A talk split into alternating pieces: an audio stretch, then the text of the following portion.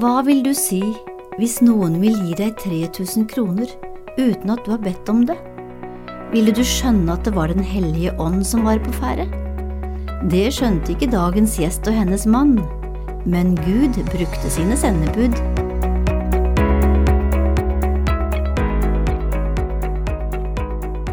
Velkommen til Håpets kvinner, et program fra Norea Mediemisjonen. Mitt navn er Marit Veimo, og jeg har hatt en prat med Anne Norvoll. Hun synes at livet er rikt når hun kan få stå opp om morgenen og gå ut i arbeidsdagen og møte mennesker i forskjellige faser av livet.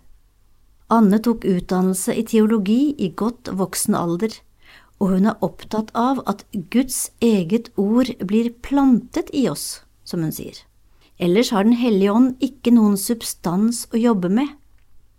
Men både hun og mannen Torbjørn ble overrasket over hvordan Den hellige ånd jobbet når de sto der med tomme hender i en kaotisk livssituasjon.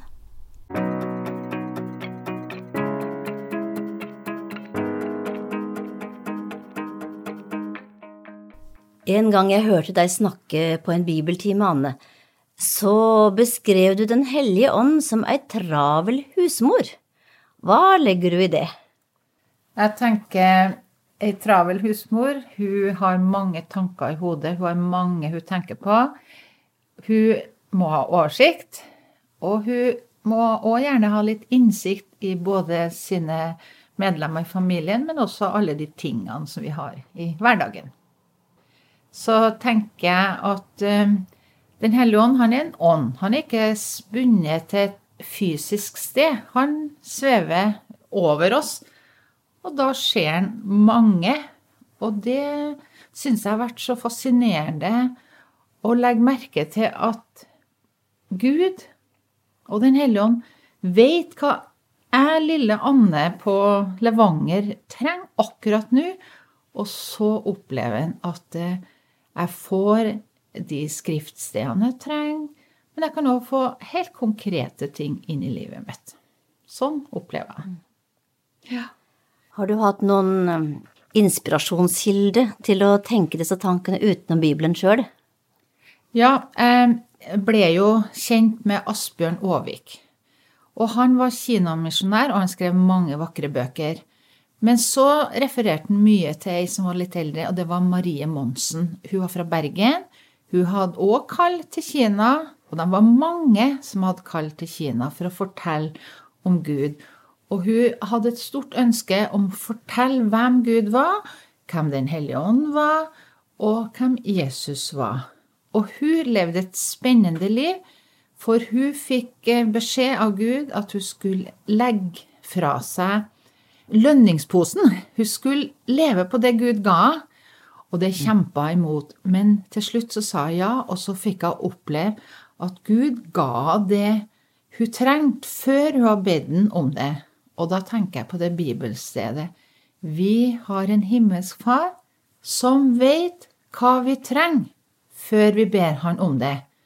Og det er jo sånn vi foreldrene er. Vi vet hva ungene trenger, og vi gir dem før de ber oss om det. Og sånn ble det farsforholdet til hun Marie Monsen i den tida hun var i Kina. Og så skriver jeg i ei bok at de eh, var nå litt uenige om hvordan de skulle drive dette arbeidet, men hun holdt fast på vi må gi de kinesiske kvinnene, vi må gi de kinesiske barna, og vi må gi det kinesiske folket Guds ord. For hvis ikke de har Guds ord i hjertet sitt og i tankene sine, så har ikke Den hellige ånd noen ting å bruke. Og det tror jeg er kjempeviktig også i dag, at vi som forkynner Guds ord, vi forkynner Guds ord, og ikke menneskeord. For det er Guds ord som har det herre løftet over at Den hellige ånd bruker det, og så bærer det frukt.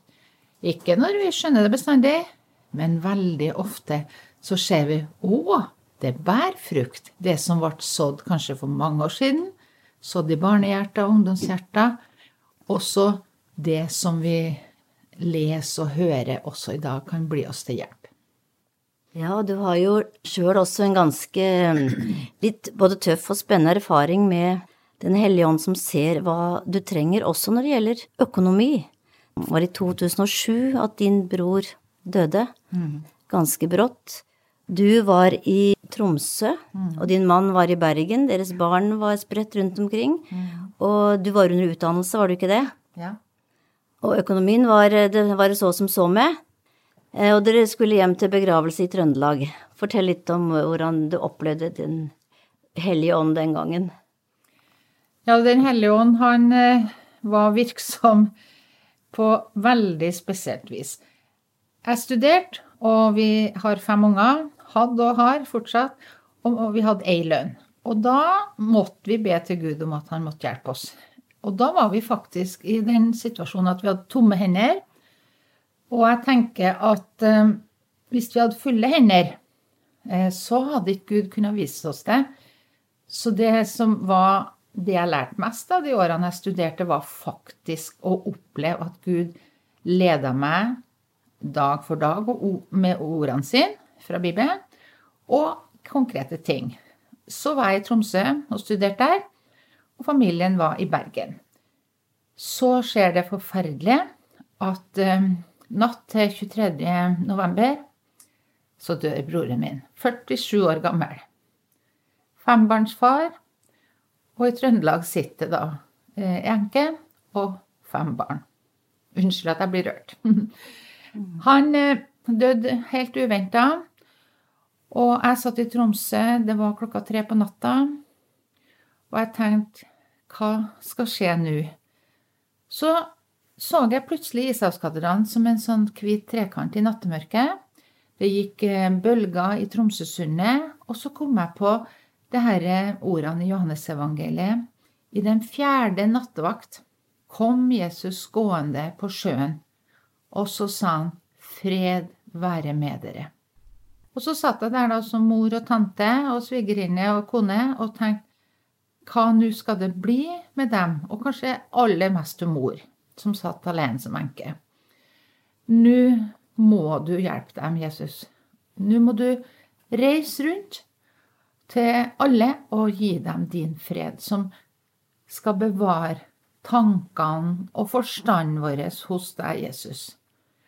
Og det var nå den bønnen jeg ba den morgenen. Og så kommer jeg tilbake til Trøndelag, der de bodde, og har besøkt enka. Og vi sitter og prater litt i stillhet på kjøkkenet, og så sier hun til meg Du, Anne, det er så underlig. Fordi det er sånn fred. Det er en sånn ubegripelig fred midt oppi alt det her kaotiske. Og da tenkte jeg ja, han gjorde som jeg ba han om den natta. Han for også til enka og til alle. Og det ble fred rundt alt sammen. Men det var kaotisk. Men Guds fred overgår all forstand, så det fikk vi oppleve veldig spesielt. Men så var det det at vi hadde jo ikke så veldig god råd. Jeg reiste Tromsø for min, vår siste hundelapp. Flybilletter hadde jeg, og jeg skulle tilbake. Og jeg måtte jo da tilbake til Trøndelag. Hjemme i Bergen så satt jo mannen min da med to barn, og de tre eldste var jo også på tur til begravelse. Og han hadde jo ikke penger. Men om morgenen så ringer det på døra, og der står det ei dame. Eh, og hun hadde hørt om dødsfallet. Så sa hun, du, jeg ble minnet av Gud jeg, om å gi deg 3000 kroner. Eh, og det var jeg helt sikker på at det var 3000 kroner. Da begynner mannen min, jeg må si i vantro, da, å argumentere at nei, han trengte jo ikke 3000 kroner, han trengte noe toppen 1000, og så kunne han betale tilbake 500 kroner. Så han fikk en tusenlapp og dro av gårde til Trøndelag. Og det er mange ferjer, og det er mye bensinstasjoner mellom de to byene. Så han eh, Det ble jo ikke nok. Men vi kom til begravelsesdagen, og så tenker jeg Han som var ulydig mot Gud, det var førstemannen min. Men under begravelsen så kommer to damer med hver sin konvolutt. Og så sier jeg det her er en adventsgave, sier hun ene. Og hun andre sier det her er en adventsgave til dere. Og der lå det en tusenlapp oppi hver konvolutt. Så det var 3000. Det merka vi når vi kjørte tilbake. Vi trengte 3000 kroner. Og det visste Gud. Så det er jo litt morsomt da at vi protesterer når Gud minner noen om det.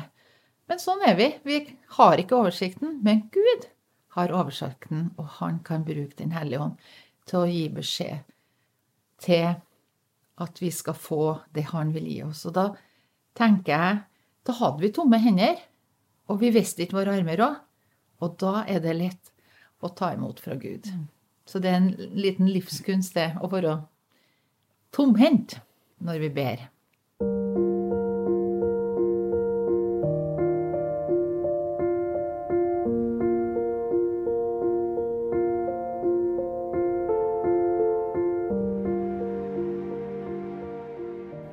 Har litt lett for å ikke skjønne at det er Gud som handler, i ikke så dramatiske ting kanskje, men i små ting som vi spekulerer på, grubler på hvordan vi skal bruke tida vår, hvem vi skal møte, hva vi skal prioritere, og så kanskje Gud sender noen i vår vei som akkurat da kommer med en løsning, eller kommer med et vennlig ord, eller en enkel samtale. Så tenker vi kanskje at ja, det var jo tilfeldig. Mm. Men at vi ikke er så opptrent til å se at det faktisk var Den hellige ånd som gjorde at jeg møtte akkurat det mennesket der og da. Yeah. Og, og som sier, mindre, mindre ting også, og da glemmer vi også å takke. Da får ikke Gud heller den takken som han mm. kanskje burde hatt og skulle hatt. At vi hadde blitt litt mer ydmyk overfor Guds ledelse i hverdagen. Ja, jeg tenker sånn eh, at uh, Birgitta Sverige, hun var jo helgen. Men hun hadde ei bønn, og det var Herre, visa meg din vei og gjør meg villig at gå den. Det var bønn. Mm. Og så hadde jeg òg ei gammel venninne som sa det at nei, nå må vi lese i Bibelen for å høre hva Gud vil si til oss i dag. Og hvis vi lever i det der, at vi tar til oss næring, og vi ber denne bønna, så har vi innstilt eh, oss sjøl på at det er noen som venter på oss. Mm. Gud, han ser den ene og den ene og den ene. Og han eh, har mange som trenger et vennlig ord. Og han har mange som trenger å bli kledd, og som trenger mat og drikke, som det står i Matteusevangeliet. Og så har han kalt oss til å følge seg. Og når vi følger han, og vil følge han, og han kaller oss til å gå sammen med han, så tror jeg at ved å lese Guds ord og be denne bønna, så vil vi se på dem vi møter, med nye øyne.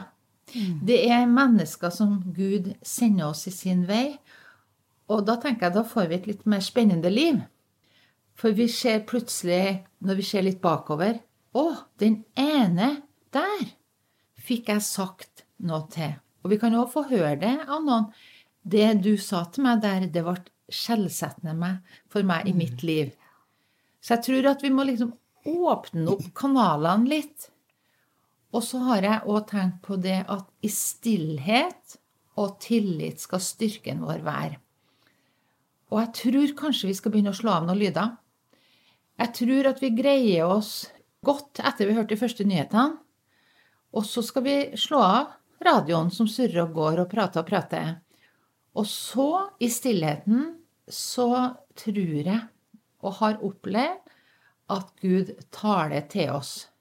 Og opplever at jeg får et ord som jeg skal gi i den og den begravelsen. Og så må jeg stole på at det er Gud som gir meg. Hvem andre skal gi meg Guds ord, for å si det sånn? Og så kommer jeg til begravelsen, og så er det tatt ut sanger. Og jeg opplever at sangene og bibelordet handler om det samme. Og det er en rød tråd, kaller jeg det. det. Når det er en rød tråd, da kjenner jeg at det her er det Gud som vil. Det er Han som virker. Og også da gjennom lille meg, som ikke vet bedre enn at jeg tar det ordet, eller det bibelordet, som eh, jeg har fått om morgenen, eller i tankene på biltur, eller at noen har sendt meg det. Og der har jeg òg opplevd ganske masse fascinerende. For det har vært ei dame oppe i Tromsø som har sendt meg bibelsted. Men hun har sendt det på min eh, mobil, og hver morgen har jeg fått et bibelord. Og så har jeg tenkt hvem trenger å høre det her i dag? Så var det en prost som jeg jobba sammen med, og han sa når du blir minnet om noen ting, da skal du være helt sikker på at det er Gud som minner deg. Og da skal du sende det til den du blir minnet om. Og så har jeg holdt på og sendt bibelordet videre til en eller to som jeg er blitt minnet om. Og så har jeg tenkt nei, hun trenger ikke en oppmuntring, hun fikser livet sitt, ikke sant? Mm. Og så kommer det tilbake. Du, tusen takk for det du sendte, fordi det var akkurat det jeg trengte i dag. Og da blir jeg litt stille over at Gud kan arbeide med oss sånn, og at jeg i jobben min kan være stille og hente fra Han det Han har lyst å gi videre til den enkelte rundt omkring. Så da er husmora i gang, ja, med, ja. med jobben, og, og ja. har oversikt og innsikt. Ja, og kjærlighet. Ja, det er fascinerende å tenke at han som har fullstendig oversikt, kan bruke ett enkelt menneske eller to mennesker, og så når vi ut.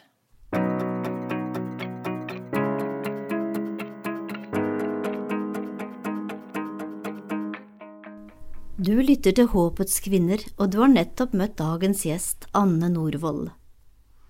Gjennom Bibelens mange fortellinger er det ikke rent sjelden at vi møter mennesker som flykter fra Gud, men så hører vi at Gud innhenter dem på forskjellige måter, for eksempel i historien om slavekvinnen Hagar, som vi leser om i Første Mosebok. Hun flyktet fra sin husfrue men en engel fant henne ved vannkilden ute i ørkenen, og Hagar omtalte Gud som Du er en Gud som ser meg. I dag skal du også få en hilsen fra Barda i Albania, en kvinne som opplevde å bli sett av Gud, men som manglet kunnskap om det å være en kristen. Hun ville gjerne lære mer. Derfor var hun veldig takknemlig for en nabo som fortalte henne om radioprogrammene til Håpets kvinner, og der lærte hun også hvordan hun kunne be. Så tok hun kontakt med Håpets kvinner for å få tilsendt bønnekalenderen hver måned, og den er blitt hennes daglige følgesvenn. Dessuten er hun ivrig med å hjelpe andre kvinner til å finne sin plass ved kilden, hos den Gud som ser dem. Her skal du få høre hennes vitnesbyrd. Jeg har alltid et eksemplar av bønnekalenderen med meg i veska. Bønneprogrammene og bønnekalenderen har berørt meg dypt, og jeg ber alltid dagens bønn. Jeg jobber som skredder, og jeg lytter til radiokanalen deres hele dagen. Når jeg jobber, står radioen på, og jeg bruker den som en hjelp til å fortelle andre om den gode nyheten om Jesus Kristus. Jeg opplever ofte at kvinner som kommer til butikken min, åpner seg og forteller om det som er vanskelig i livet deres. Jeg forteller dem om Herren og så ber vi sammen. Tidligere var det ingen kirke her i området. Derfor spurte jeg pastoren min til råds, og vi bestemte oss for å starte en. Nå har vi åpnet en kirke nær arbeidsplassen min. Her kommer vi sammen i bønn og har møter sammen. Disse kvinnene som jeg ble kjent med gjennom at de kom til butikken min, er ivrige etter å bli kjent med Jesus. Det var Merete Bø som leste historien til Barda. La oss så be sammen. Gode Jesus, takk for at vi kan få be til deg og komme til deg med alle ting. Vi ber deg om at du viser oss viktigheten av bønn. Hjelp oss å bruke den tiden som er nødvendig for å høre Guds stemme og forstå Hans vilje for våre liv, for våre nærmeste og for vårt land. Det ber vi deg om i Jesu navn. Amen. Ta så imot velsignelsen. Herren velsigne deg og bevare deg. Herren la sitt ansikt lyse over deg og være deg nådig. Herren løfte sitt åsyn på deg og gi deg fred. Amen.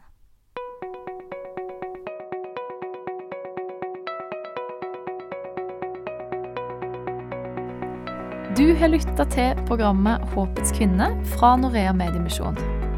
Ønsker du informasjon om vårt arbeid, gå inn på norea.no. Der finner du også podkasten vår og informasjon om hvordan du kan være med og be for verdens kvinner.